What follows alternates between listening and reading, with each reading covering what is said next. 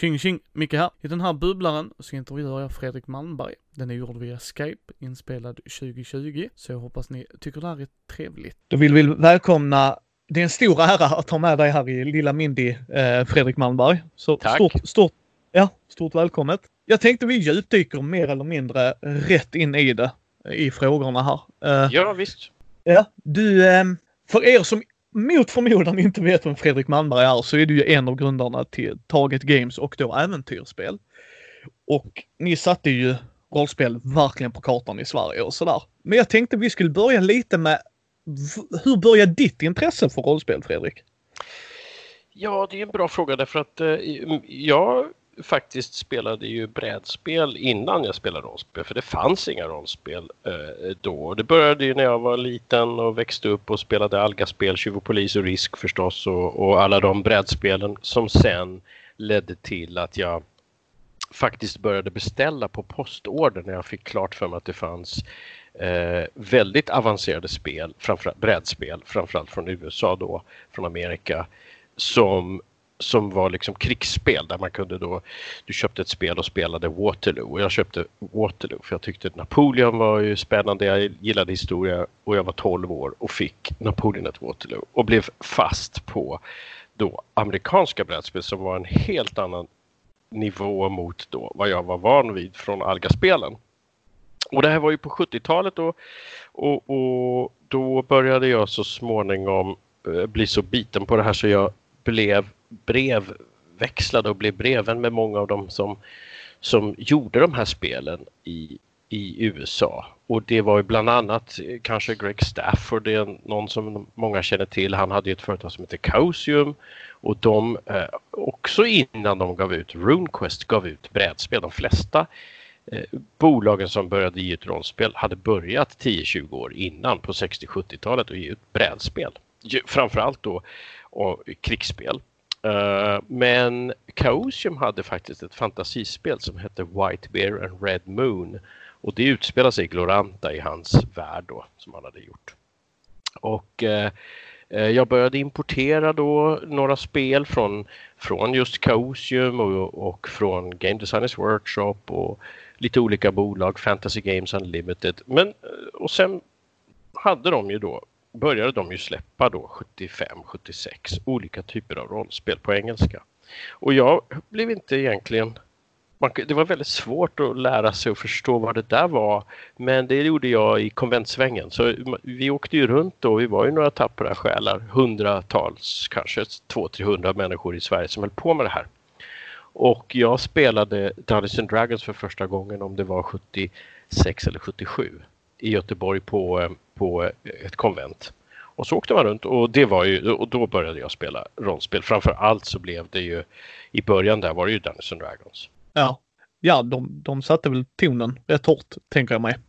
Ja, men det gick rätt fort eh, så kom det ju alla, alla då. Det var ju liksom Avalon Hill och SBI och som sagt det fanns en liten spelbransch borta i USA som, och även England. Det, det som är ja, Games Workshop till exempel. Som likt som jag då kanske hade börjat importera lite spel och sälja lite spel och sen började man säga, ja, men nu ska jag börja tillverka ett spel.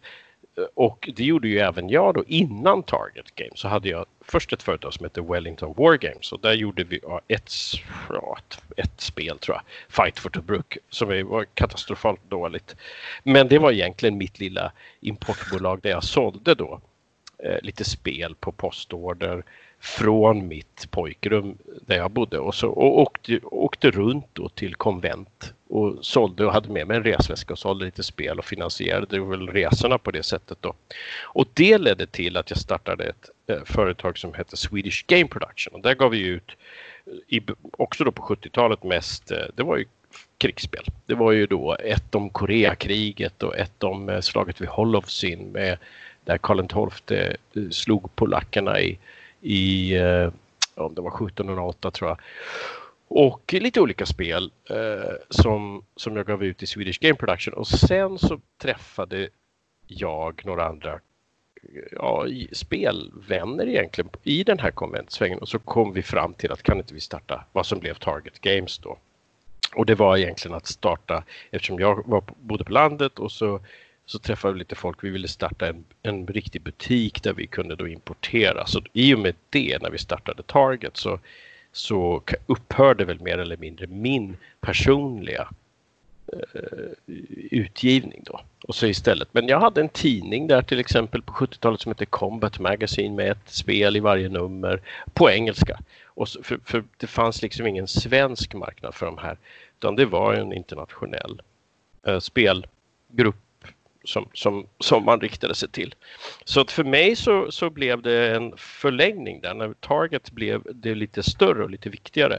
Och, och jag kommer ihåg när vi liksom sa att Nej, men nu, nu drar vi igång och gör en butik därför vi ville, ja, vi såg väl att det blev fler och fler som började spela den här typen av spel och då var ju rollspel fortfarande en väldigt liten del. Jag var nog mer brädspelare och är fortfarande än idag mycket mer brädspelmänniska eh, än vad jag är rollspelsmänniska. Ja. Men hur, hur kom man i kontakt med för, för, vi har kanske yngre lyssnare som inte förstår vad postorder är, höll jag på sig. Men det är ju inte som vi har idag med internet, alltså att man, ja oh, nu ska vi se vad här vad Fredrik gör. Det här vill jag köpa. Så hur, hur kom man in i det, alltså från Sverige och sälja till internationell marknad? Hur kom det sig? Ja, det, det, det, det är en väldigt bra fråga och det går liksom inte att riktigt förstå. Men postorder det är precis som att köpa på webben. Liksom. Det är webb. Men det, det var ju en helt annan process då för att det betyder att alla måste ha en katalog hemma. Så de, det var väldigt mycket jobb att sitta och kratta ihop då en katalog på vilka spel man sålde och sen var man ju tvungen att trycka upp den där katalogen och skicka till sina hundra postorders kunder då. Och, och de hade fått skicka in ett litet frimärke innan så att man liksom man skickade bara katalogen till de som hade skickat in ett frimärke och det här tog ju då flera veckor givetvis bara att skriva den där katalogen och vilka spel säljer vi och så vidare. Och när man väl fick ut den där katalogen så hade det ju hunnit släppas hundra nya spel. Som, som då, då fick man ju bara börja om från början igen och göra en ny katalog. Och det, hela samhället och allting gick så mycket långsammare då. Det var liksom när jag beställde ett spel från USA, om jag skulle köpa ett spel på postorder därifrån, det tog ju åtta veckor innan jag fick det till min, eh, till min postlåda. Liksom. Och man var tvungen att gå till till Televerket för att ringa. Då var man tvungen att gå där och beställa tid. Kan jag få ringa det här numret i Amerika? Så fick man betala pengar i kassan och sen så nu får du gå in i lucka nummer fem. Så fick man gå in i en liten lucka nummer fem och så kunde, då kopplade de då och sen så om det hade tagit fyra minuter och man hade lämnat in någon order där Eh, då fick man betala 10 kronor per minut och det här var 1975 så det var ju väldigt annan värld än idag. Men så var det och, och, och, det gjorde också att alla skrev brev till varandra och givetvis de här konventen blev väldigt viktiga då på när det var skollov, om det var jullovet eller påsklov eller Kristi då, då kunde man åka till mindre orter också som hade då små sammankomster där man kunde spela och då, då blev det ju att man växlade, eh, började liksom växla adresser och sådär och kunde börja brevväxla så. Men det, återigen fanns ju inga mobiltelefoner och absolut inget internet utan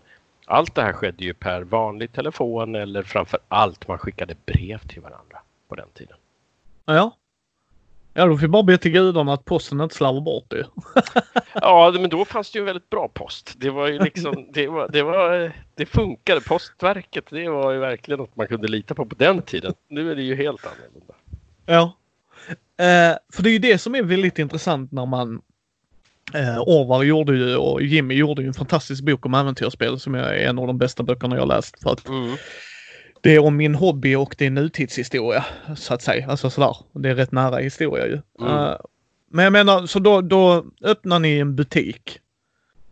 Då öppnade vi en butik uh, och uh, ganska snabbt därpå för då hade jag precis blivit, då hade jag precis börjat plugga i Uppsala på universitetet där, det var 1980 och det var inte riktigt vad jag skulle hålla på med så, så det beslutade jag mig ganska snabbt för att nu vill jag inte göra det längre så därför så tog jag året därpå och åkte till USA. Och jag hade ju kontakter då med de här spelförlagen. Och hamnade efter lite fram och tillbaka så hamnade jag eh, i San Francisco trakten i Berkeley där Chaosium låg. Och jobbade med dem som jag kände sedan tidigare och jag jobbade väl inte så mycket. Jag hängde mest där och speltestade och speltestade bland annat Call of Cthulhu och Stormbringer och, eh, och där måste jag säga jag blev lite biten för jag spelade ju då Call of Cthulhu med eh, de bästa Game Masters som jag någonsin haft. Det var ju Sandy Peterson själv som sen gick vidare. ja, han hade ju designat spelet och, så, och, och var vår, vår spelledare då. Så det är nog därför som, som, som det spelet ligger mig väldigt nära hjärtat än idag, Call of Cthulhu. Um, och sen åkte jag hem uh, till Sverige och drog väl igång mer då att på allvar, nu måste den här butiken bli lite mer professionell för då hade jag väl förhoppning att jag kanske skulle kunna leva på det här också och hade sett i USA och jobbat i både butiker och på spelförlag och så här, under ett år lärt mig mer om och fått se hur, hur stort framförallt rollspel var. Innan hade jag nog trott att brädspel var mycket, mycket större än vad rollspel var. Men sen den sommaren där borta med IT och allting, då, då, då var rollspel enormt stort i USA och det, det tog jag med mig hem till Sverige och, och det var därför också som jag propagerade då inför mina kollegor och kamrater att vi måste ge ut rollspel. Vi måste, vi måste ge ut ett svenskt rollspel. Ja, för det är det som blir väldigt intressant ju. Eh, mm. Eh, det har ju stått i boken och det där, alltså att det var ju verkligen en folkrörelse mer eller mindre. Alltså just att eh, timing och allt det där att, vad var det, 100 000 ex exemplar sålda av Drakar och Demoner. Och då ska ja, man tänka hur... Men det ja. tog ett par år därför att vi gav ju ut Drakar och Demoner 1982 och det tog två år att sälja de första 4 000 eller något sånt där. Så explosionen, folkrörelsen, den kom inte förrän egentligen kanske 1985-86. Då, då blev det eh, stort efter att vi hade givit ut den nya svarta lådan då som var väl, eh, det var väl 1984. Och då, då blev det lite enklare för, för den första lådan var ju väldigt egentligen svår att förstå. Vad ska vi spela? Och vi biffade ut det mer med den svarta lådan och, och det gjorde väl att fler kunde komma in i rollspel på, på svenska. Ja, men ni använder ju, eller använde då vad heter det, Basic Role Playing System. Alltså det, det Exakt. Ja. Eh, hur kom det sig att du ville använda det och inte gjorde något helt eget då? Nej, det var... Eh, eh, jag nog insåg väl efter mitt första spel där, mitt första brädspel som hette Fight for Tobruk, då insåg jag att jag är inte speciellt bra på att konstruera och designa. Det är inte min starka sida, men jag, jag, är, jag är förläggare, jag är ju en producent. Och, och det finns andra som kan göra saker bättre men jag, min specialitet är liksom att plocka ihop de olika komponenterna och försöka se om det finns eh, en, en affär där, eh, alltså att man kan, kan leva på det. Och när jag var i, innan jag hade kommit till, till USA då, det där året när jag spelade Call of Cthulhu, så, så var det otroliga debatter om det här vilket spelsystem är bäst? Och, och alla skulle göra ett nytt. Och det kom Tunnels and Trolls och det kom Bunnies and Burrows och det kom spel efter spel efter spel på engelska då och alla hade liksom en enorm eh, eh, drive på att förbättra spelsystemet. För alla tyckte att ja, Dungeons and Dragons är väl bra men det är ett jättedåligt spelsystem. Och det är ologiskt. Hur kan levels, hur kan du plötsligt gå från liksom, ja nu är jag så här bra och nu plupp magiskt så gick du upp en level. Och det var, då, du, du, måste man komma ihåg att många av de som kom i den här spelbranschen, det var ju de som kom ifrån krigsspelsbranschen som var väldigt logiska och här är siffror och man ska flytta och exakt och de här stridsvagnarna går 40 kilometer i timmen och de här går 20 kilometer i timmen. Så det var mycket matematiker och statistiker och historiker som tyckte att vi måste få det här korrekt. Och det fortsatte ju även på 80 och 90-talet när man skulle göra spel som kunde vara liksom en orgie i, i liksom att rulla fram sin karaktär eller att liksom stridssystem och så vidare. Men då var det i alla fall när jag spelade Call of Cthulhu som ju kom ur Basic Role Playing och, och RuneQuest-systemet egentligen som ju var procent det, det, kändes ju som vi kallade då för tredje generationen rollspel. Kommer jag ihåg. Att vi sa att det här är tredje generationen, det här är ett bättre spelsystem än ett levelbaserat system. Så därför så, så så, och, och, det var mer som nu för tiden så säger man ju då att det är en motor, en spelmotor. Men det var inte riktigt så på den tiden utan det var ju någon som hade kommit på det där systemet. Och eftersom jag kände dem så blev det naturligt och jag tyckte så mycket om det systemet. Jag tyckte det var själv tyckte jag det var bättre än Dungeons Dragons system. Och, och, då blev det naturligt att fråga dem, kan inte jag få eh, ta en licens på motorn och sen så gör vi ett spel som passar mer för Sverige då de svenska. Eh, och, det, och det tyckte de var, ja för fasiken, kör på det. Och, och, så gjorde vi det. Så att eh, eh, vi tyckte nog helt enkelt bara att det var en bättre motor. På den tiden så satt man sig inte ner och gjorde ett spel så enkelt heller. Det, det var, det var väldigt eh, det var inte många som var designers liksom. Nej, nej, nej, men det kan jag tänka mig. Alltså just att det är i den uppstartsgrejen eller som du säger där, alltså att man pratar inte i de termerna vi gör nu. Jag menar, jag håller ju med dig. Jag föredrar ju procentsatssystem framför mm. Eh, Dungeons and Dragons för att jag tycker att det är mer logiskt för min del. Sen kan jag förstå att folk gillar Dungeons and Dragons. Men jag menar, han satte ju det på kartan på sitt sätt, alltså alla de som började med det ju. Och jag menar, det blir väldigt intressant när du säger att man pratar inte i de termerna vi gör idag ju. Men då är ju min följdfråga för, för de som inte vet så är ju eh, vad heter det, RoomQuest är ju också lite fantasy, vill jag ändå påstå. Eh, de går väl inte in så här high fantasy som Dungeons and Dragons kanske gör, men Nej, ju... det, det, är ju mer, det, jag skulle säga så här om uh, High Fantasy, är precis som du säger, det, det är ju Dungeons and Dragons och RuneQuest var ju väldigt uh, mer, det var mer som bronsåldern, ett mer historiskt. Det, det, kändes mer som kanske grekiska mytologin, att visst det fanns mantikorer och gripar och annat, men det var inte riktigt High Fantasy utan det var mer eh, mer bromsålder. Ja, och sen då eh, Chaosiums Call of Cthulhu som fortfarande lever än idag. Det gör RuneQuest också för den delen. Där man har den kosmiska skräcken eh, som är från H.P. Lovecrafts värld. Och så kommer ni då och tar det systemet och så gör ni med Drakar och Demoner. Alltså varför valde du att gå fantasyvägen?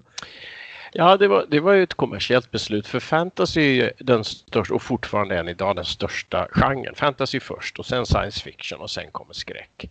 Så att det var, det var vi ville göra ett, äh, ett fantasyspel men eh, och Basic Roleplaying var faktiskt en egen liten produkt ett tag där som Chaosium hade. Jag tror till och med de gav ut den innan man gav ut äh, Call of Cthulhu. Därför Basic Roleplaying det var en sorts ny, en startkit kan man säga, en startkit till rollspelning rollspel och sen packade man in den med två böcker till och gjorde ett fullständigt rollspel som hette Magic World. Och det var egentligen vad första Drakar och Demoner var. Det var egentligen det här Magic World då. Eh, och det var ett generiskt fantasy-spelsystem. Så första Drakar är ju väldigt generisk fantasy. Sen när vi eh, 1984 då började vi skriva in egna saker och gjorde kanske lite mer skandinaviskt då och, och började faktiskt kanske få en egen en egen ehm, eh, ja, en egen formgivning på det kan man väl säga. Men, men fantasy visste vi ju från att vi hade haft butiken och sådär att det var ju det som folk var mest intresserade av. Det var det som, som folk tyckte var häftigast då. Ja. Ja, nej, nej. Och så, vad jag har förstått från den tiden så var det väl, man kunde nog få tag på mer fantasy än sci-fi i bokhyllorna också ju. Så att... Sci-fi var väldigt stort. På 70-talet var sci-fi väldigt stort och det fanns väldigt mycket, men det var ju väldigt, eh, det var ju väldigt mm, mer, det var inte som kanske Star Wars utan det var ju mer stiftelsen och, och Dune, det var djupa filosofiska. Science fiction är ju väldigt, väldigt metaforiskt för vår nutid och det var ju kanske inte heller en tillfällighet att många östeuropeer skrev science fiction för det var en sorts sätt för dem att kunna publicera böcker och gömma samhällskritik. För man får ju komma ihåg också att det här var en tid när det var stora politiska hinder runt om i världen och Europa och liksom Sovjetunionen där kunde du inte gå ut och publicera en bok bara för att du ville göra det. Om du publicerade en bok och skrev att presidenten är dum och måste skjutas då skulle du ju själv eh, klassas som dum och bli skjuten. Så, att de, de, så science fiction var ganska stort och Traveller kom ju ganska tidigt. Jag tror Traveller gav Game Designers Workshop ut sådär 1977 eller någonting och Dungeons and Dragons kom ju ut på engelska 1974. Så, så ganska snabbt så etablerades ju ändå science fiction som en stor kategori också men det, det var inte den här Space Opera som vi kallar då lite mer Star Wars då kanske eller utan det var ju mer, eh, mer inspirerat av filmer som 2001 och just som jag sa då stiftelsen. Så det var, science fiction eh, låg lite efter och, och jag tror också att eh, Dungeons and Dragons och det här High Fantasy det kom ju också med att vi hade haft en jättestor våg av Tolkien-litteraturen, Sagan om ringen och Bilbo och var ju väldigt stort och exploderade ju på 60-70-talet. Ja, och det är det jag tycker är väldigt så här intressant när man tittar för att ni, vilken var er målgrupp när ni började? Vad var er tanke där ju? Alltså hade ni ja, bara liksom vem som, förlåt mig, alltså är det nej, vem som, jag, som köpte det eller? Nej, det var ju, det var ju klart och tydligt så att vi hade ju, vi importerade ju engelska spel och vi, det sålde vi ju i vår butik då och vi flyttade ju och döpte om så att Target Games fick vara importfirman då namnet utåt men Tradition hette ju butikskedjan sen. Och Tradition kunde vi ju se att det, det fanns ju liksom en ungefär som även idag då i SF-bokhandeln och annat, det fanns en det fanns en grupp människor tillräckligt stor att leva på som kom och köpte då Advanced Dungeons and Dragons och engelska Call of Cthulhu och alltihopa. Men det fanns ingenting om du då inte... Det var otroligt svåra böcker att förstå sig på om du var under 14-15 år skulle jag säga. Så, så, så helt från början så sa vi ju att nej men vi måste ju ut här på svenska språket om vi ska kunna få yngre att börja spela. Annars kommer ju alla vara 14-15 när de börjar spela. Och, och, det fanns väl också, det var väl ett av problemen därför att det, det, fanns på den tiden så var det liksom klass att det var lite dåligt att spela rollspel på svenska. Man var ju cool och, och mer vuxen om du spelade rollspel på engelska. Och det där har vi ju sluppit ifrån idag. Idag så kan ju spelarna idag kan ju säga att ja, men om du är tio år så är det klart att man vill spela på sitt vanliga språk. Men det betyder ju inte att de, de spelen är sämre än vad det är. Och, och det där var svårt för oss att bryta igenom därför att det var också då svårt för oss att få rollspelskonstruktörer och författare och andra för de var ju oftast äldre. Så det tog, det tog rätt lång tid innan vi kunde få hemma eh, vad ska vi säga, uppvuxna rollspelskonstruktörer som hade vuxit upp med svenska rollspel. Men det, det gick rätt fort men det tog ju ett par år innan vi fick fram då eh, Johan Sjöberg eller andra som, som började väldigt tidigt som 13-14-åringar och började skriva äventyr och sådär. Och hade ju börjat spela då ifrån svenska spel. De flesta innan det, innan Drakar hade ju alla fått tvungna att vänta och haft någon då som kunde översätta. Nu ska vi spela Dungeons and Dragons och sen Ja, det, det, det var ju väldigt surrealistiskt egentligen om man tänker efter. Man har en engelsk regelbok men sen ska man sitta och förklara för sin spelgrupp på svenska vad det är som händer. Ja, och det här det jag tycker också är väldigt intressant för om man tittar nu eh, liksom i 2020 eh, så Dungeons and Dragons ägs ju av Wizard of the Coast. Och det är väldigt fascinerande när man ser de försäljningssiffrorna eller statistiken att de ligger i etta i mest sålda rollspel i världen, punkt. Eh, de, de leder i den som Sören. Och sen har du tvåan som antingen, antingen är Paisium eller Kiosium. Alltså Pathfinder eller Call of Cthulhu. Men mm. de är ju inte tvåa du vet på ett hårsmål. Och nu lever vi i tiden med internet. Uh, då när du började så var det ju postorder och det och jag menar, vad jag menar med det är att de har ju till och med erkänt nu att critical role, om vi tar det actual play, har ju liksom sporrat folk att hitta rollspel. Alltså de, de har inte hittat det innan. Men, men hur hittade folk rollspel hos er? Alltså för, jag, för liksom som du säger, brädspel har vi haft med Alga och det liksom. Mm. Ja, och det, men, men, på den tiden så var det ungefär som vi, eh, man hade ju liksom, och det får också, det började ju väldigt mycket mer eh, med det var ju, om vi tittar på de svenska rollspelen som Drakar och Borner och MUTANT så var det ju framför allt var det väl på den tiden mest killar som spelade spelen. Och då blev det ju liksom killgängen om man säger att man har, man har en, var man än bor, om du bor i Hedemora eller Stockholm spelar ingen roll, du har din, dina kompisar. Och sen så om någon då råkade upptäcka vad är det här för någonting? Så spelar man det med sina kompisar och så börjar man forma en liten klick. Men vi jobbade väldigt hårt då på att starta egna konvent, till exempel spelträffar där, där liksom de yngre kunde också känna sig välkomna därför att det, det, det hade varit en ganska exklusiv klick av äldre som bara spelade på engelska och då kände sig givetvis de som var yngre kände sig lite, det fanns ett ganska utbrett mobbningssystem. Man kallade alla yngre spelare för kobolder på den tiden. Kommer jag ihåg att det var väldigt mycket, du åkte ner på Gothcon och då fanns det en, en ganska elitistisk inställning till att, vad vi höll på med med svenska rollspel, det var inte bra för de var sämre och, och det drog in kobolder till det här som kanske då uppfattades som vi har vår lilla elitistiska grupp och vi spelar allihopa Call of Cthulhu på engelska.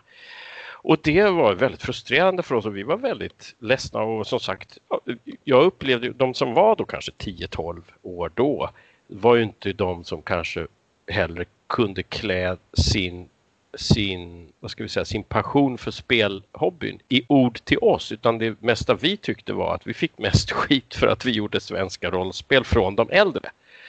Och, och det tog ju lång tid innan, det tog ända in till på 2000-talet innan jag förstod att det liksom finns väldigt många människor som faktiskt, eh, ja, som, som upp, ja, de, de eh, vaknade upp till rollspel genom de svenska spelen. Så, och det var ju, vi fick ju på den tiden sprida då, vi fick skicka folk. Anders Fager till exempel fick vi skicka där, han är ju stor författare nu och han jobbade för oss och vi fick skicka honom till butiker i olika orter. Kunde åka till Bollmora och till till eh, olika Falun och så fick vi liksom sitta där i leksaksbutikerna och demonstrera. Så att om det kom in på lördagen uh, några barn där så fick vi liksom, hej vill ni prova på att spela Drakar Demoner? Sitt ner, här får du en karaktär. Och, nu, och så fick vi liksom lära folk vad rollspel var. I, det, som du säger, det fanns ju inte internet. Nej, nej, men precis för att nu har vi ju framförallt 2020, alltså det är ju på våra fingerspetsar. Du kan folk, se folk som går igenom hur rollspel fungerar. Liksom om du, du har där de visar när de spelar, alltså allt, alla möjliga bredder. Mm. Men det hade man ju inte då, inte ens när jag började mm. Eh, med rollspel liksom, utan då var det ju som du säger, det var en polare som hade det och han växte upp med dina rollspel. Han hade ju det i ryggen. Det var en som var äldre men som hade, vilket jag tyckte var ett väldigt bra resonemang, antagligen för att han hade blivit kallad kobold själv. Att mm. om inte den yngre äh, kommer in så för, för, försvinner köps, alltså makten, alltså den, för de är ju konsumenter också. Ja. Och, och det behövs ju för att företagen ska överleva och sådana grejer. Försvinner det och vi spelar bara Costumes Call of Cthulhu. Ja, men ni behöver också de som spelar de andra spelen.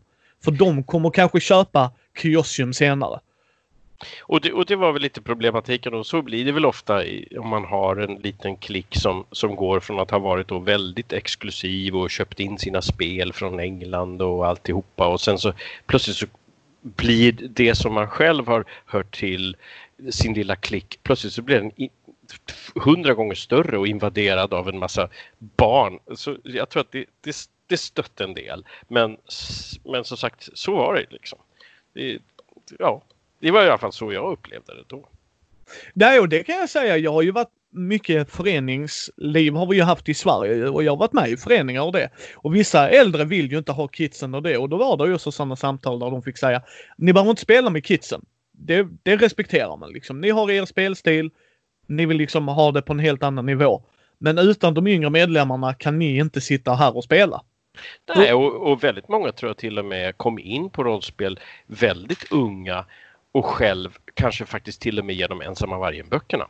De här soloäventyren som ju då var som ett rollspel fast ännu enklare att komma in i. Du, du slog upp din lilla karaktär och sen fick du välja. Så du, och sakta men säkert kunde du ju liksom lära dig själv hur man spelar rollspel från, från då eh, till och med från soloäventyren. Så, så jag tror att och de var väldigt populära och billigare. Man kunde köpa en pocketbok då. Och, så att jag tror att många och det är också ett skäl till att just Sverige och, och svenska språket har väldigt många rollspelare internationellt sett per capita. Det finns jättemånga som spelade på den tiden som kom in och som kanske inte hade gjort det om det inte var på svenska språket. Så får man inte glömma att det, och, för att, och idag vad vi ser nu är ju en tredje generationen då rollspelare som har börjat ge ut sina egna spel och det är ju väldigt hög nivå på den just svenska rollspelsscenen och även brädspelsscenen måste jag säga. Ja, absolut. Och, då, eh, och det är ju det som blir intressant när man pratar med folk som säger att när jag började med äventyrsspel och där är vissa som började med Drakar och Demoner men älskade MUTANT ni gav ut för att liksom, nej men det var ju mer min stil. Och att insåg liksom att oj, här finns det andra grejer än liksom fantasy. För det kanske det var det de inte tyckte om utan de kanske mm. gillade postapokalypsen. Men du, du nämnde ju soloböckerna där också för det, det tycker jag också är fa fascinerande. Hur, hur kom ni över de grejerna? För det är väl en översättning om jag har förstått det rätt? Ja, det är en, det är en ren översättning och där det, var, det blev ett fenomen och vi var ju de som, som hade företag runt om i världen som höll på med rollspel och brädspel. Vi kände ju varandra för alla sålde ju till oss eftersom vi var importör då. Så att, eh, och en av våra största leverantörer var just Games Workshop. Och eh, jag kände ju Ian Livingstone och Steve Jackson som ägde Games Workshop då på den tiden. Och de skrev och, kom, och hade precis samma egentligen eh, utmaning som vi hade i Sverige. Att hur kan vi få yngre att spela i, som inte klarar av Advanced Dungeons and Dragons? Så de två kom på att ja, men vi gör någonting som vi kallar för Fighting Fantasy. Och så gav de ut en Fighting Fantasy-bok som sålde enormt mycket i England. Och då försökte jag direkt se, för de hade ju sålt det som författare. De gav inte ut det själva på Games Workshop utan de sålde in som författare det på ett engelskt förlag. Jag tror det var till och med kanske Penguin och de hade redan eh, sådana band. För vi var ju okända och små. Det här var ju tidigt 1982-83 och, och, och så att vi kunde aldrig få rätten att ge ut de här Fighting Fantasy som vi ville. Utan jag åkte över och hittade då Ensamma vargen. De hette Lone Wolf som kom ganska snabbt in på. De kanske kom ett år efter Fighting Fantasy. Och sen så beslutade vi bara, för vi, vi såg också att Fighting Fantasy är ett jättebra sätt att få in yngre att börja spela rollspel i England. Alltså borde vi ge ut en svensk variation av det och då kommer vi få yngre att kunna komma in på det. Och, men som sagt, vi kunde inte få ut Fighting Fantasy så därför så blev det Ensamma vargen som vi faktiskt tyckte bättre om när vi väl började inse att ja men här har vi en hel värld och vi har en, samma karaktär som går från bok till bok. Så det var ju, Joe Deaver hade ju skapat den väldigt elegant faktiskt för att han hade ju sett vad, vad Steve och Ian gjorde med Fighting Fantasy så kom Joe på att hmm, jag ska göra det här mer som min egen kampanj. Eh, och det blev en succé direkt när vi gav ut faktiskt Ensamma vargen-böckerna. Så, så det gick väldigt fort så blev de en succé och sen kunde vi fortsätta och börja ge ut fantasy-litteratur i pocket. Efter att vi hade börjat lära oss då hur kan vi göra pocketböcker och hur säljer vi dem. Ja, för det är också intressant för de, de pocketböckerna var ju bara litteratur så att säga. Det var ingen så här spelmekanik utan det var bara böcker va? Mm. Det var ren, ren, det var en eh, bokserie och jag tror vi gav ut en 60 böcker ungefär. Och, och för innan vi gav ut då eh, fantasyböcker så, så var det väldigt, bokbranschen i Sverige tyckte nog att nej det där är mest kiosklitteratur. Fantasy, det ska vara tolken och sen får det nog vara, det kan få vara någon sånt. Nu är det helt annorlunda givetvis men, men så att det, det var liksom ingen utgivning av fantasy. Det fanns bara, det fanns bara Sagan om ringen och sen fanns det väl tror jag eh, Trollkarlen från övärlden typ. Det, det, det var väl så, sånt som gavs ut, inget annat. Ja, Nej, men för det är också det som är intressant för att ni gjorde också en tidning, Sinkadus. Hur, hur kom det sig fram att ni ville göra en tidning? För mitt i allt det här så gör ni rollspel, ger ut soloböckerna och allt sådär. Och sen kommer ni, alltså, för, att, visst jag ska inte säga att det är jättesvårt att göra en tidning men jag vill också påstå att det inte är jättelätt att göra en tidning heller. Alltså där är ju sina saker med det. Ja det är, det är jobbigt att göra en tidning och vi ville göra en tidning. Det var också ett eh, faktiskt sätt att hålla kontakt med sina fans då eller spelarna. Därför att om vi, det gällde ju att få våra spelare att gå in till butikerna. Och då vill de ju veta om vad kommer snart. Och, och då kom vi ju fram till och jag hade ju haft min lilla tidning fast den var på engelska och var kanske bara ja, tryckte väl ett par hundra. Och den, den som jag hade haft på 70-talet. Så tio år senare så kom jag på att nu gör vi en tidning som bara ger våra kunder som spelar då MUTANT och Chock och Drakar och och, och, så, och det var ju ett sätt för oss att egentligen prata direkt till kunderna eftersom de flesta köpte ju sina spel i leksaksbutikerna så att, så att vi tyckte att ja, men då ska vi ju hitta en kanal till dem och som sagt det fanns ingen webb, det fanns inget internet så, så då blev det en tryckt tidning och det var inte vi ensamma om. Till exempel TSR som gav ut Dungeons and Dragons, de hade ju Dragon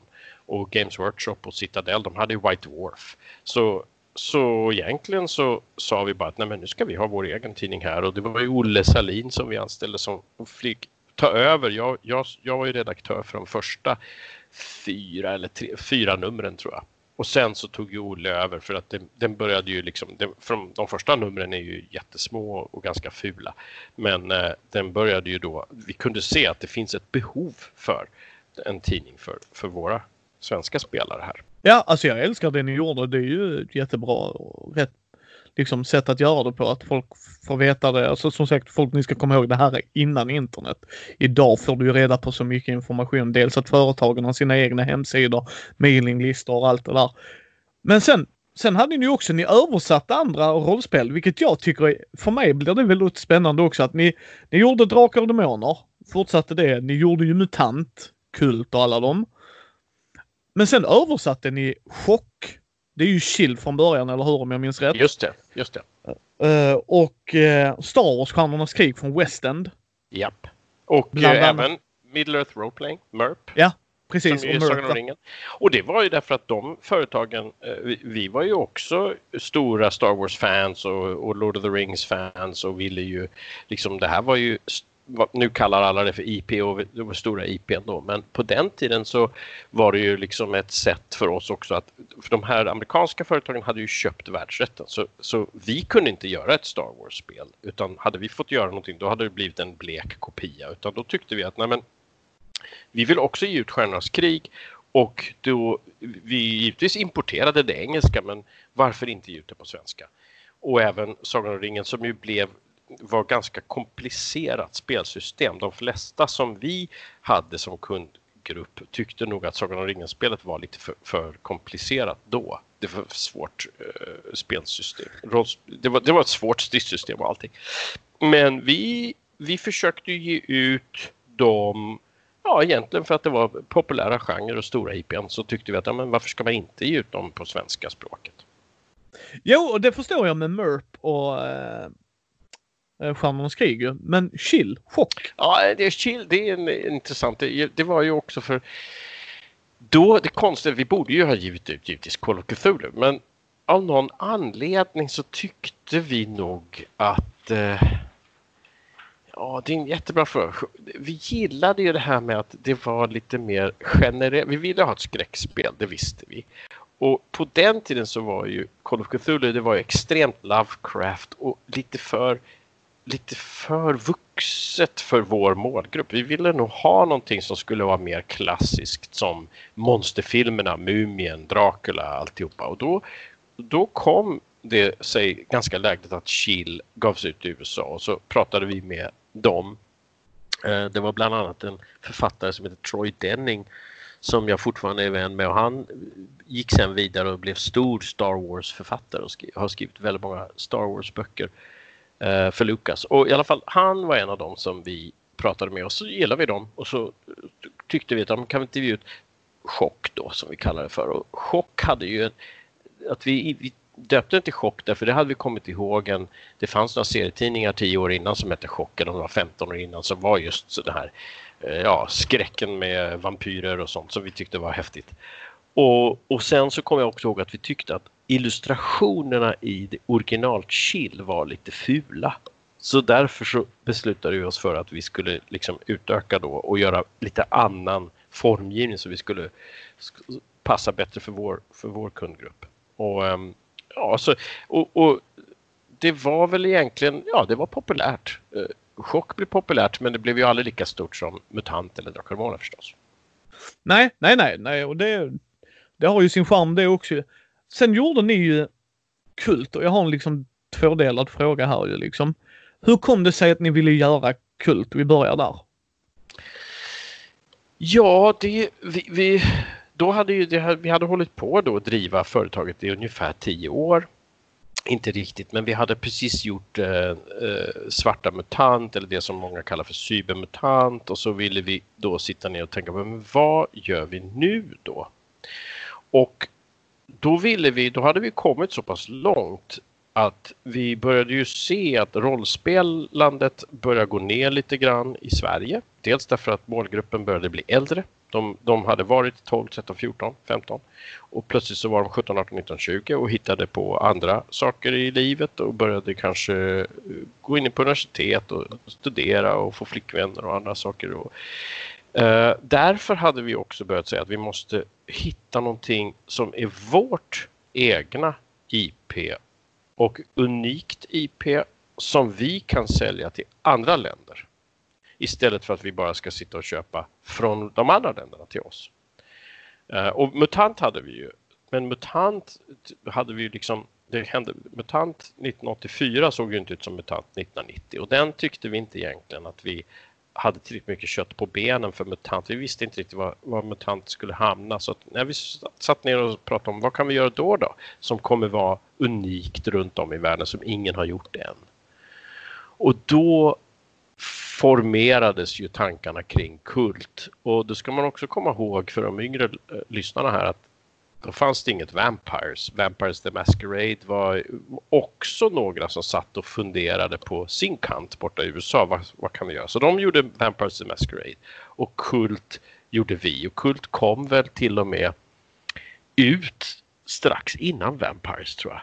Och Kult var ju väldigt banbrytande då, tankarna. Det var ju mycket Alistair Crowley och mycket Clive Barker förstås. Men men eh, Nietzsche och Jung och filosofiskt och Micke och Gunilla hade ju mycket tankar kring och inspirationer just kring det okulta och liksom var också eh, skickliga världskonstruktörer och, och sen jobbade vi ju internt med bland annat Nisse som, som ju formgav hela Kult och han var ju stor.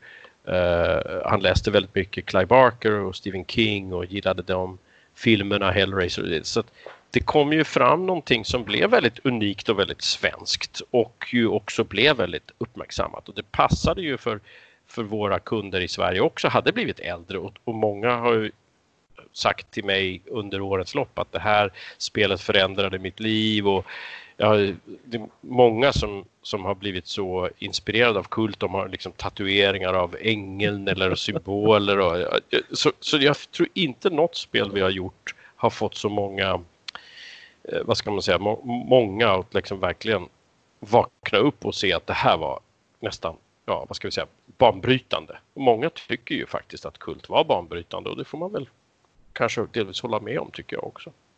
Ja, för det är det som blir väldigt intressant när man kollar på för det som jag sa till dig off mic här innan att uh, Kult räddade ju min polares liv, han jag gör podden med.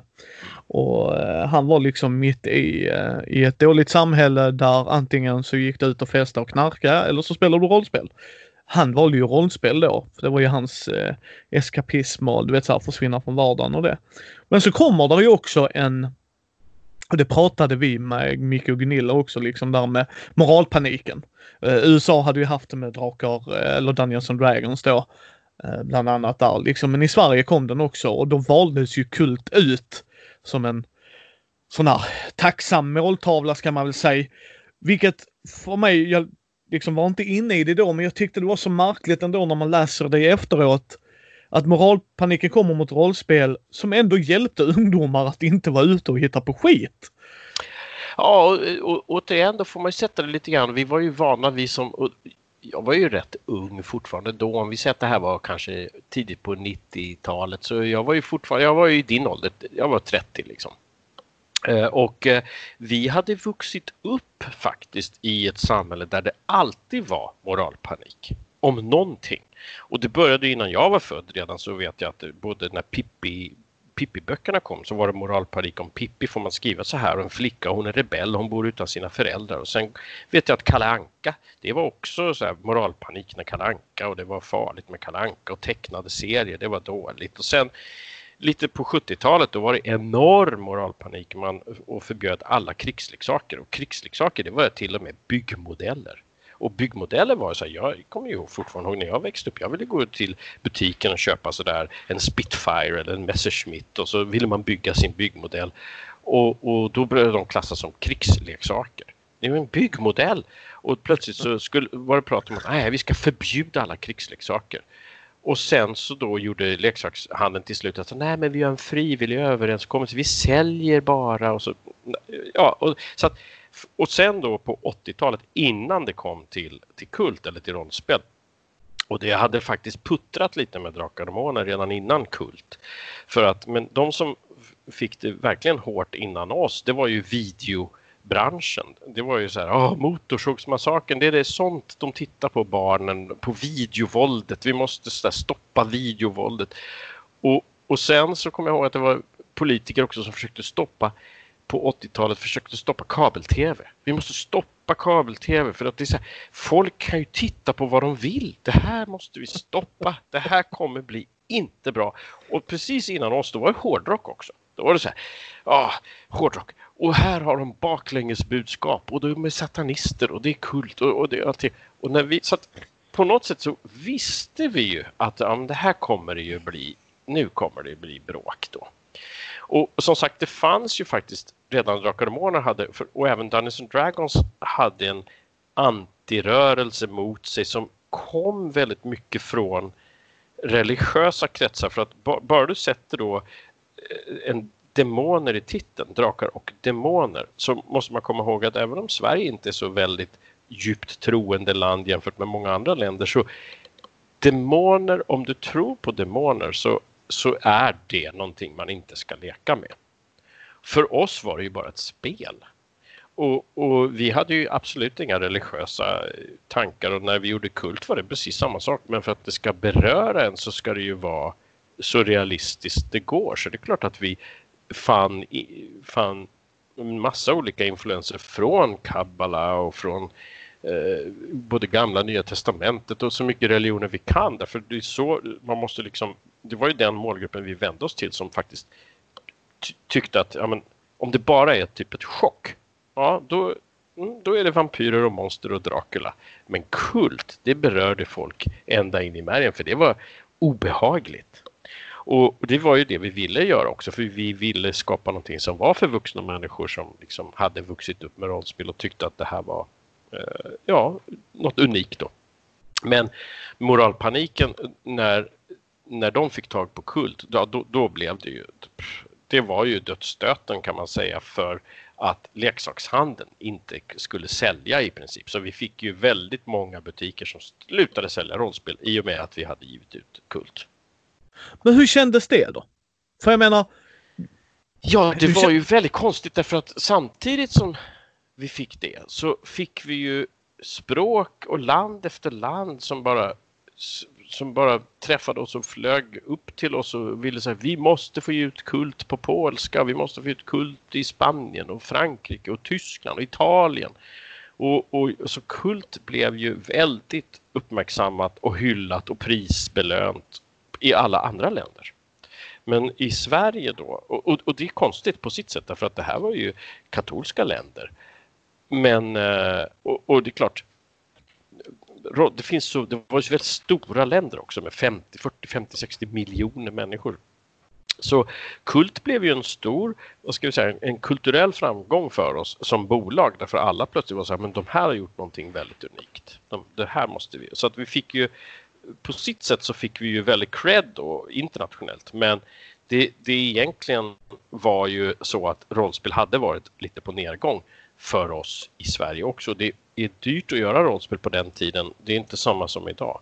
Därför att du, du, om vi gjorde ett rollspel och det kostade 10 kronor att trycka det, eller 10, whatever, vi säger 10 kronor, så fick ju inte vi 90 kronor genom att sälja det till, till eh, konsumenter utan vi var ju tvungna att sälja det till en butik som kanske fick köpa den för 20-30 kronor.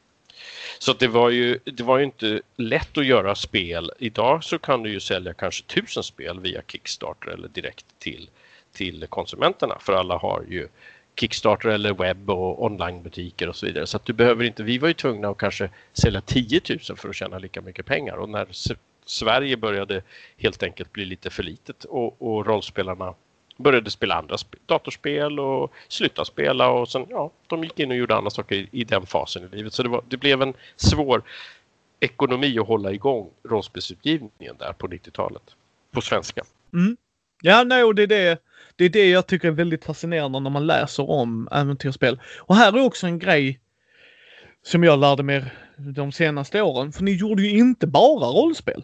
För ni fortsatte ju med brädspel och till och med samlarkortspel i en viss... Alltså inte Magic stort blev det kanske inte, men det gjorde det ju ändå. Hur kom de grejerna till? Ja, det var ju vi, vi, vi levde ju på att göra spel och som sagt vi hade ju gjort brädspel innan och, och vi hade ju en, en period då när vi konsekvent sa vi måste vi kan inte bara leva på att sälja för Sverige. Vi måste få fram produkter som vi kan sälja och spel då till hela världen. Och, och, vi liksom konsekvent utvecklade då linjer, produktlinjer som, som inte var så textberoende, inte så tjocka massa textböcker. För det kostar jättemycket. Det kan kosta lika mycket att översätta. Eh, ett bra exempel, det kostar lika mycket att översätta Kult till tyska som det kostade att konstruera hela spelet. Oh, i helskotta. Eh, ja, det är ju väldigt reglerad bransch och det är författarförbund och det är också översättare och det är väldigt mycket jobb. Att översätta skickligt, det, det, var, ja, det var väldigt dyrt. Så vi kom fram till att nej, vi måste göra mer brädspel eller figurspel eller samlarkortspel. Och väldigt fort, vi hade ju då eh, en ambition där. Att då hade precis ett spel kommit ut som hette Hero Quest och Space Marines. Och då hade vi ju Mutant Chronicles som var ett rollspel och tyckte att ja, men den här världen ska vi göra som brädspel eller figurspel. Och då kan vi kanske med mindre arbetsinsats faktiskt sälja på hela världen. Och så är ju liksom eh, att driva företag och vara producent eller företagsledare. Det gäller ju då att se trender och se att ja, men om, om rollspel, vi kan inte bara lägga oss ner och dö. Och, då, och, och, som sagt, eh, det var ju väldigt mycket samma butiker som sålde rollspel runt om i världen som sålde brädspel och den här typen. Så att det var ganska naturligt för oss att satsa hårt på då hur kan vi göra det här så att vi liksom och så får vi göra en svensk version eller så säljer vi den engelska versionen i Sverige. Då hade ju våran kundkrets i Sverige blivit äldre också. Mm. Nej men det, det är fascinerande för att många känner nog igen äventyrsspel just för rollspelen och jag tyckte det var väldigt fascinerande att det var ju inte bara det. Nej, det var ju långt ifrån det och vi var ju tvungna att se framåt så att på 90-talet och i och med att vi hade också butikerna, tradition där, så kunde vi ju se att efter Eh, Nintendo lanserade eh, sin nya konsol där i slutet på 80-talet, då gick det fort och så kom en Amiga och så kom PCn väldigt starkt. Att på bara tre fyra år så var halva omsättningen i butikerna, det var olika typer av datorspel. Och vi såg att vi, vi sålde inte fler rollspel, sålde inte fler brädspel, men vi ökade ofantligt på datorspel. Och det var ju också en väldigt svår omställning för oss därför att vi, vi som företag såg, ja, men hur ska vi göra? Vi måste göra datorspel. Därför att spelade man rollspel och så kunde jag själv sitta och spela ett datorspel och så ser man så här, men det här är ju bättre. Jag får ju säga, jag kan se hur min så här magiker får en explosion och puff, det var ju, det var liksom förståendet att ja, men det här kommer ju bli hur stort som helst. Så att vi brottades ju väldigt hårt där under tre fyra år med hur kan vi göra datorspel? Så, så vi såg ju alltid hur ska, hur ska vi leva framöver om tre, fyra, fem år? Det var liksom eh, mitt jobb att försöka se framåt. Ja, och det blir ju väldigt intressant för det måste ju varit otroligt utmanande och det är det nog fortfarande tror jag i alla sådana branscher skulle jag vilja tänka mig. Uh, liksom. Men ja. Ja, nej förlåt mig. Jag tänkte bara säga, du har varit med i många projekt, men vilken har varit mest utmanande? Ja, det är svårt. Alla projekt är utmanande när man gör dem. Fast det, eh de som, det finns väl två projekt som är de mest utmanande och som också var de väldigt stora projekt. Det ena var ju kampen om Citadellet och hela det här Siege of the Citadel som, vi, som skulle bli vårt epos då i figurspels, en stor box med figurer Uh, ungefär som Space Marines. Och det skulle ju då sätta oss på kartan tillsammans med egentligen den enda som kunde göra figurspel på den tiden. Det var Games Workshop. Och det var ju ett treårsprojekt kan man säga. För först så fick vi, vi visste att vi vill göra plastgubbar och det måste man göra i Kina. Nu gör alla det här. Men när vi gjorde det så fanns det bara ett enda företag som hade gjort det och det var inte ens Games Workshop själva utan det var MB, Milton Bradley Hasbro. Och de hade gjort det. Och det gjorde att innan vi kunde ge ut Kampen om Citadellet eller Siege of the Citadel så var vi tvungna att ge ut testspel till och med. Både ett som hette Dragonfire och ett som hette Blood Parade för att just lära oss hur skulpterar vi, hur gjuter vi, hur kommer det se ut?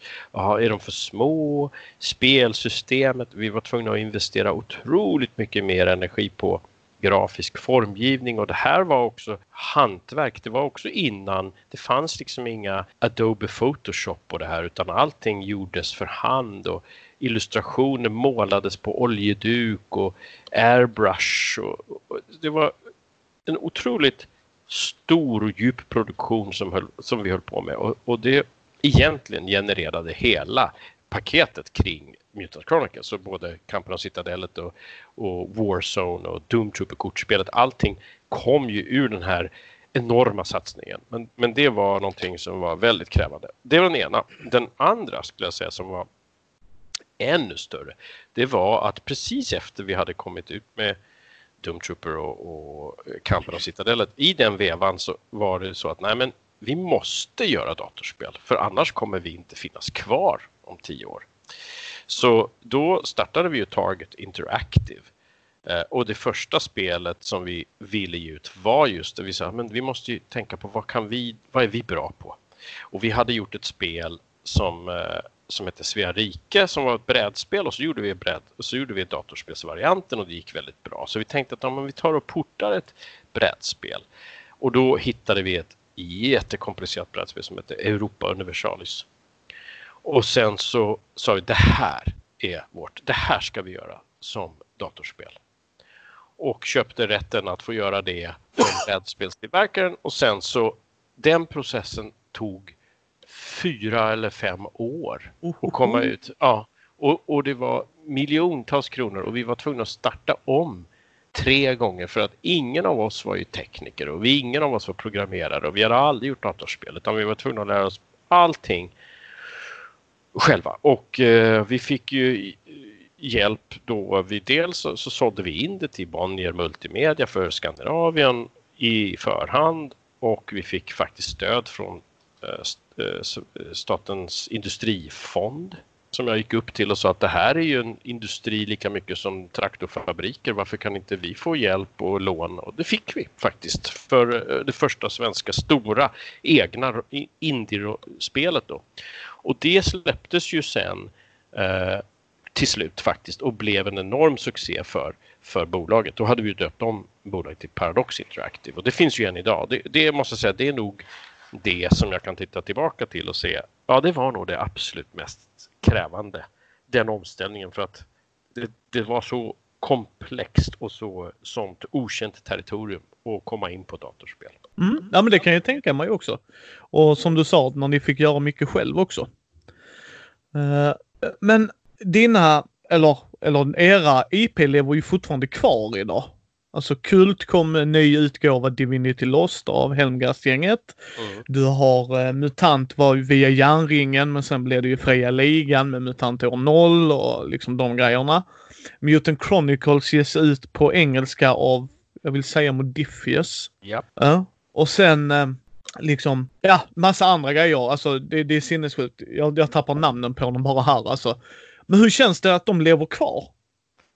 Nej, det är jätteroligt självklart. Det är ju, det är ju eh, det är klart att det, de lever ju kvar för att de har också för, förnyats och blivit liksom, ja, förbättrade och, och uppdaterade och, och, det är ju, behöver man göra och det är klart eh, samtidigt när man tiden går ju och alla, vi, det, här har ju varit hela mitt liv har jag jobbat med i princip samma saker och vi, även idag fortfarande gör jag ju ut spel och sådär och eh, skapar nya IP då kan man ju säga och jobbar med alla de här spelbolagen. Det är bara, att, det, det, det är bara det är nytt och det är annorlunda, det är förändrat men i grunden så är det ju samma, vad ska vi säga, samma eh, glädjeämnen eller det är samma någon sorts, sorts de spelarna som finns idag är precis som de var på 70-talet. Det, det, är bara att det är andra krav och andra...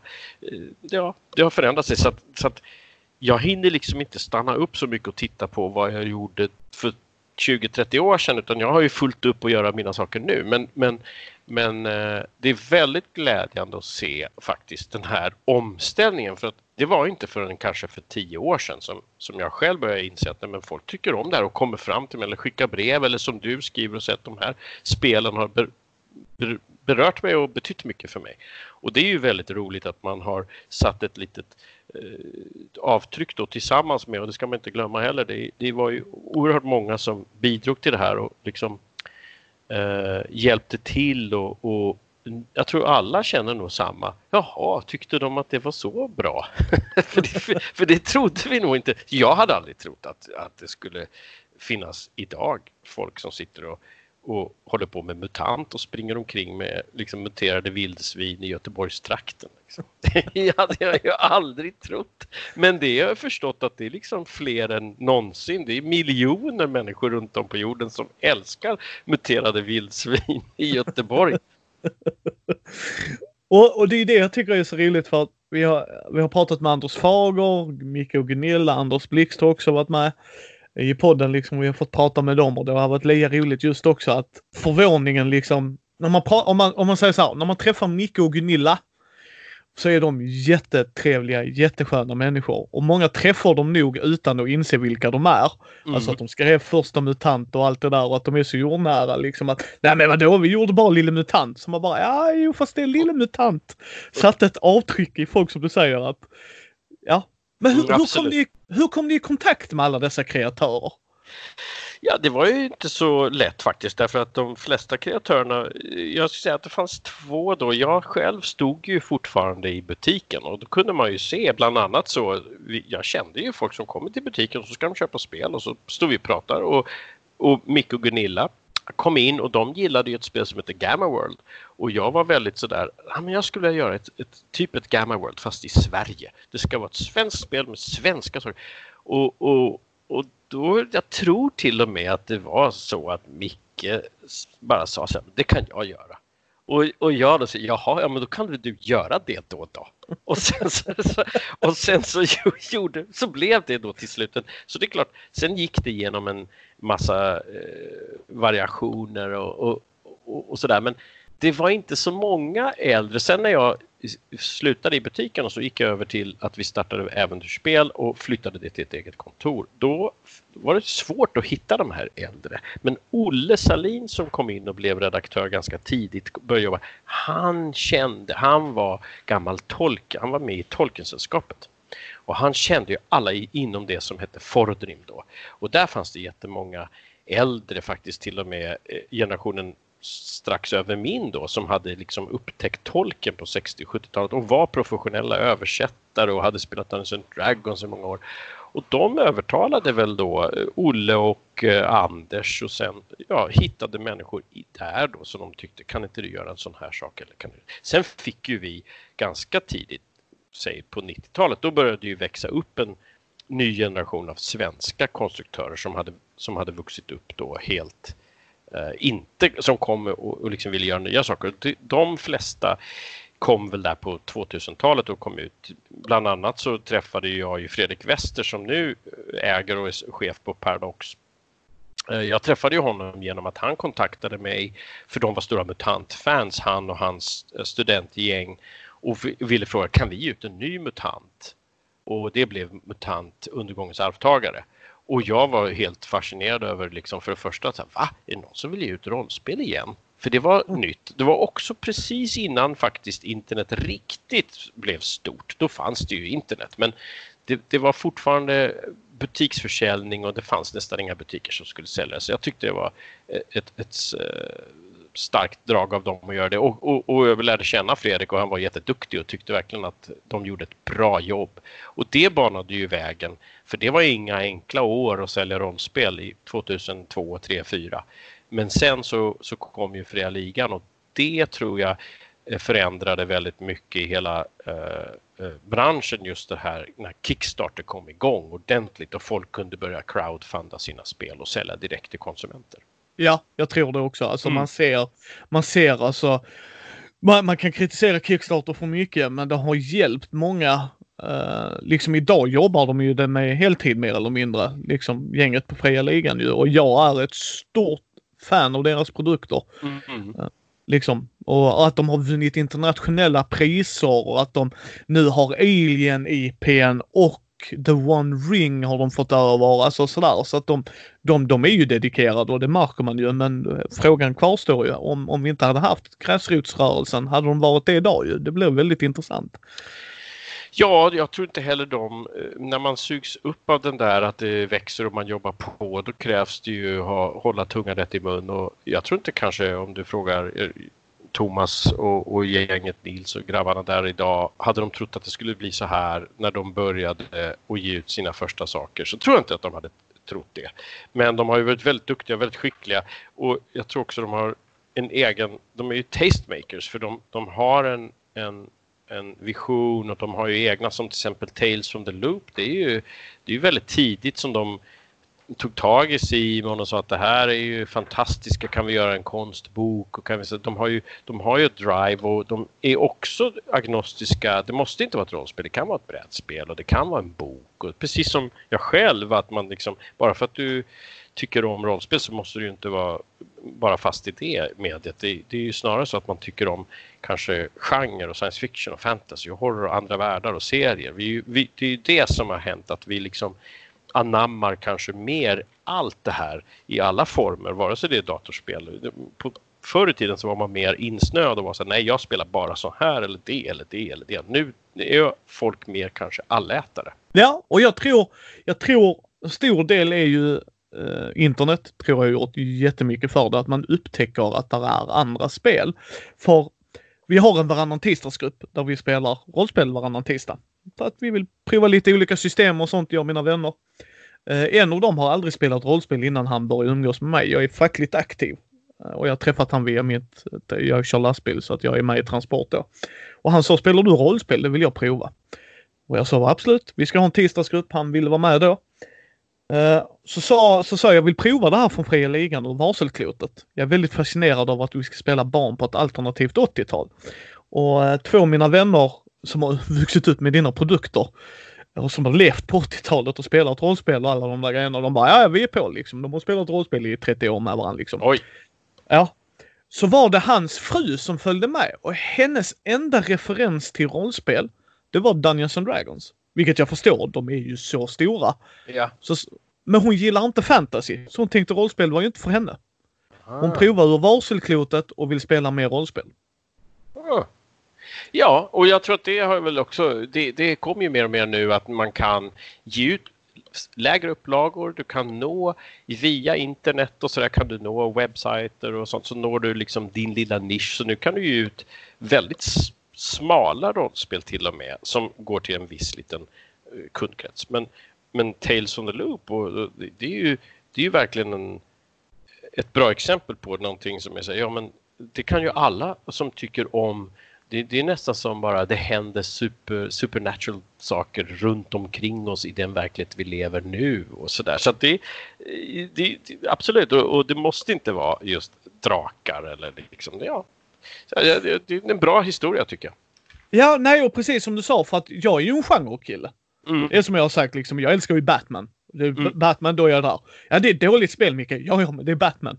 Ja. Låt mig liksom leva i den immersionen. Så kan ja. jag hålla med om att det är liksom dåligt och det är därför jag brukar proklamera när jag har eh, varit i, alltså jag är ju skadad på det sättet, så står jag i en butik och någon frågar så svarar jag.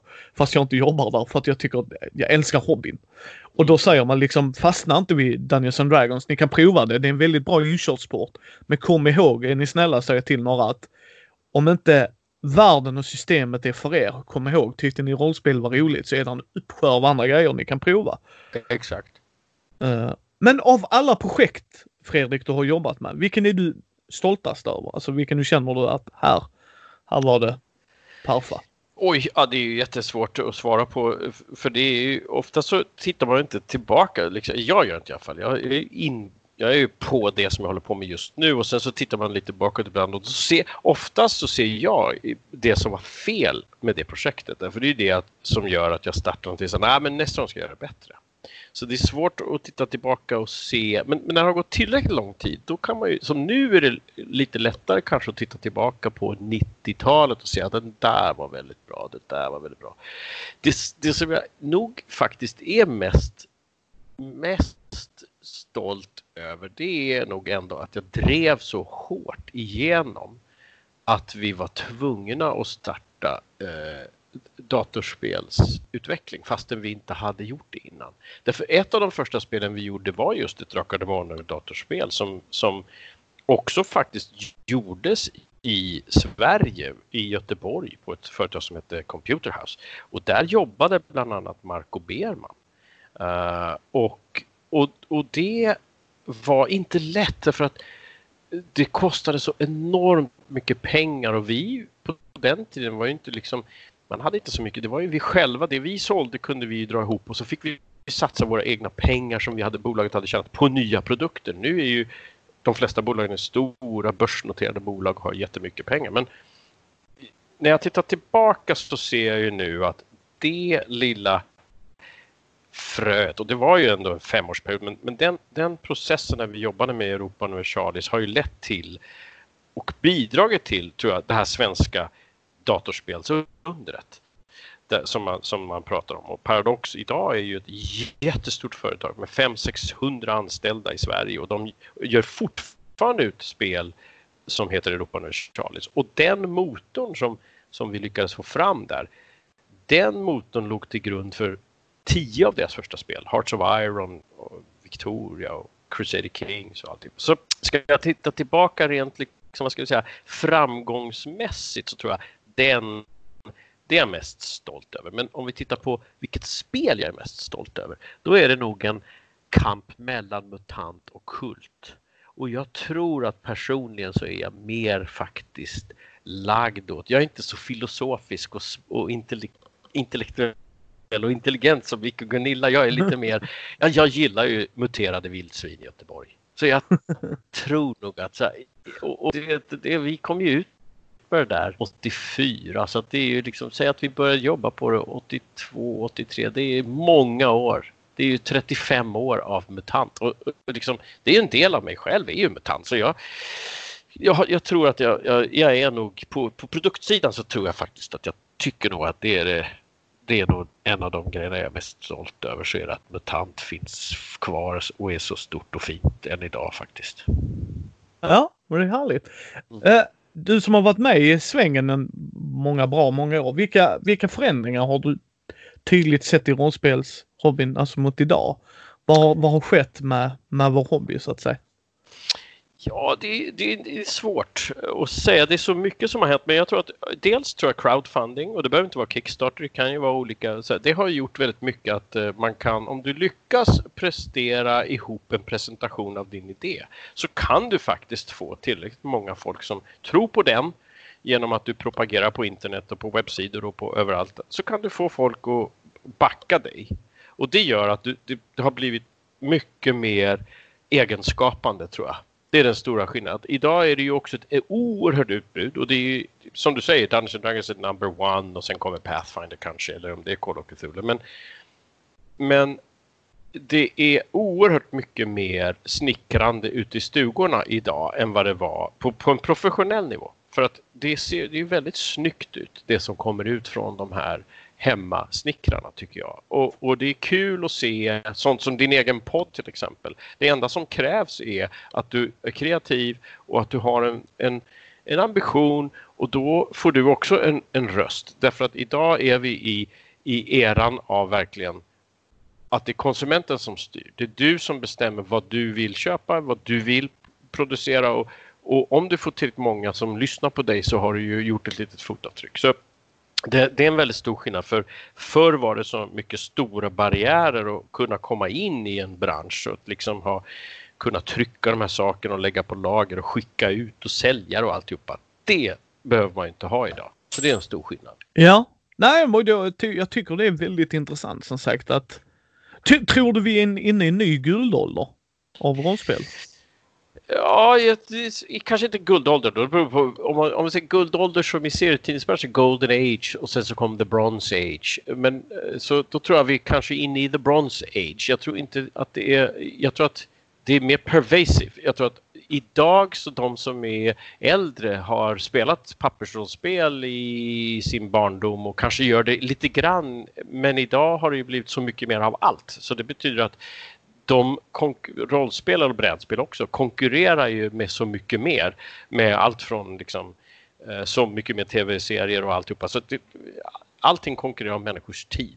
Så jag tror att det är fler människor än någonsin på jorden som har spelat rollspel och tycker om rollspel och brädspel. Men sen är frågan, är det, kan man rakt av översätta det till att det blir en ny guldålder för, för försäljning av, av pappersrollspel? Det tror jag kanske inte. Men man kan också ta, det finns ju också det här begreppet om guldåldern som the gilded age som ju var när, när stora rikedomar skapades för få människor då. I, framförallt var det väl i USA då på 1870-talet eller något sånt där. Och vad vi ser idag är snarare då kanske folkrörelsetiden. Att säga ja, då var det få som gjorde mycket och sålde mycket. Nu är det många som är ute och gör och skapar och säljer kanske lite, men de är många fler. Så jag tror att vi har, det är svårt att dela in det vid en ny guldålder. Jag, jag skulle säga att vi är inne i en folkrörelseålder där alla är berörda mer eller mindre av det här och har en acceptans för det. Och precis som din kompis där som tyckte att jag vill inte spela drakar. Nej, men hon fastnade för uh, Tales on the Loop. Hon fastnade för det. Så att liksom mer, mer uh, acceptans för det och det har ju verkligen, vi har ju verkligen ingen moralpanik längre utan nu är det ju snarare så här att hittar du ett ämne som är kul, gör det då. Och till och med om du vill lajva, så ja, men lajva då, då. Det spelar ingen roll, bara vi har kul. Och det, det tycker jag är, då får man väl verkligen säga att vi har uppnått en typ av guldålder utifrån det perspektivet. Mm. Ja, men det kan jag hålla med dig om. Det kan jag definitivt hålla med dig om. Det är därför jag tycker det är intressant att ställa frågan just till dig som har varit med från grunden mer eller mindre liksom sådär. Men vad tycker du? För jag menar poddar finns idag och Youtubes. Jag menar, man ska ju komma ihåg när Wizard of the Coast går ut och säger, för det, det är rätt intressant liksom att för de säljer ju Magic, för er som inte vet det så säljer de Magic, Magic the mm. Gathering. Och det, det, är en stor kassako till dem liksom, det är inget snack om det.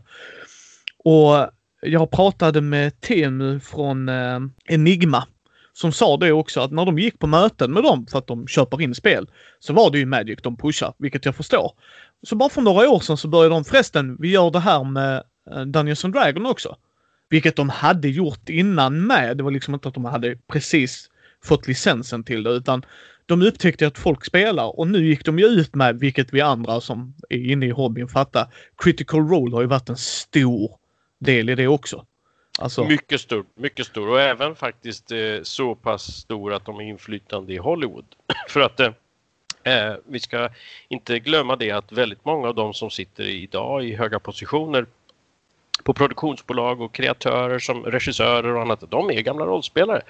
Eh, Chris som äger Titmouse, han var ju den som fick nu Critical Role som gjorde deras tecknade serie och eh, han eh, har, har ju liksom en spelgrupp. Så absolut, Critical Role och poddar är urviktigt. Ja, nej, och det är bara det, det var lite intressant att höra dig därför. Vad, vad är din take on it? Lyssnar du på poddar? Tittar du på klipp? Och, alltså har du tid och möjlighet till det? Ja, i, i viss mån, men inte, jag kan ju inte liksom det är en del av mitt eh, jobb också att hålla koll på det där.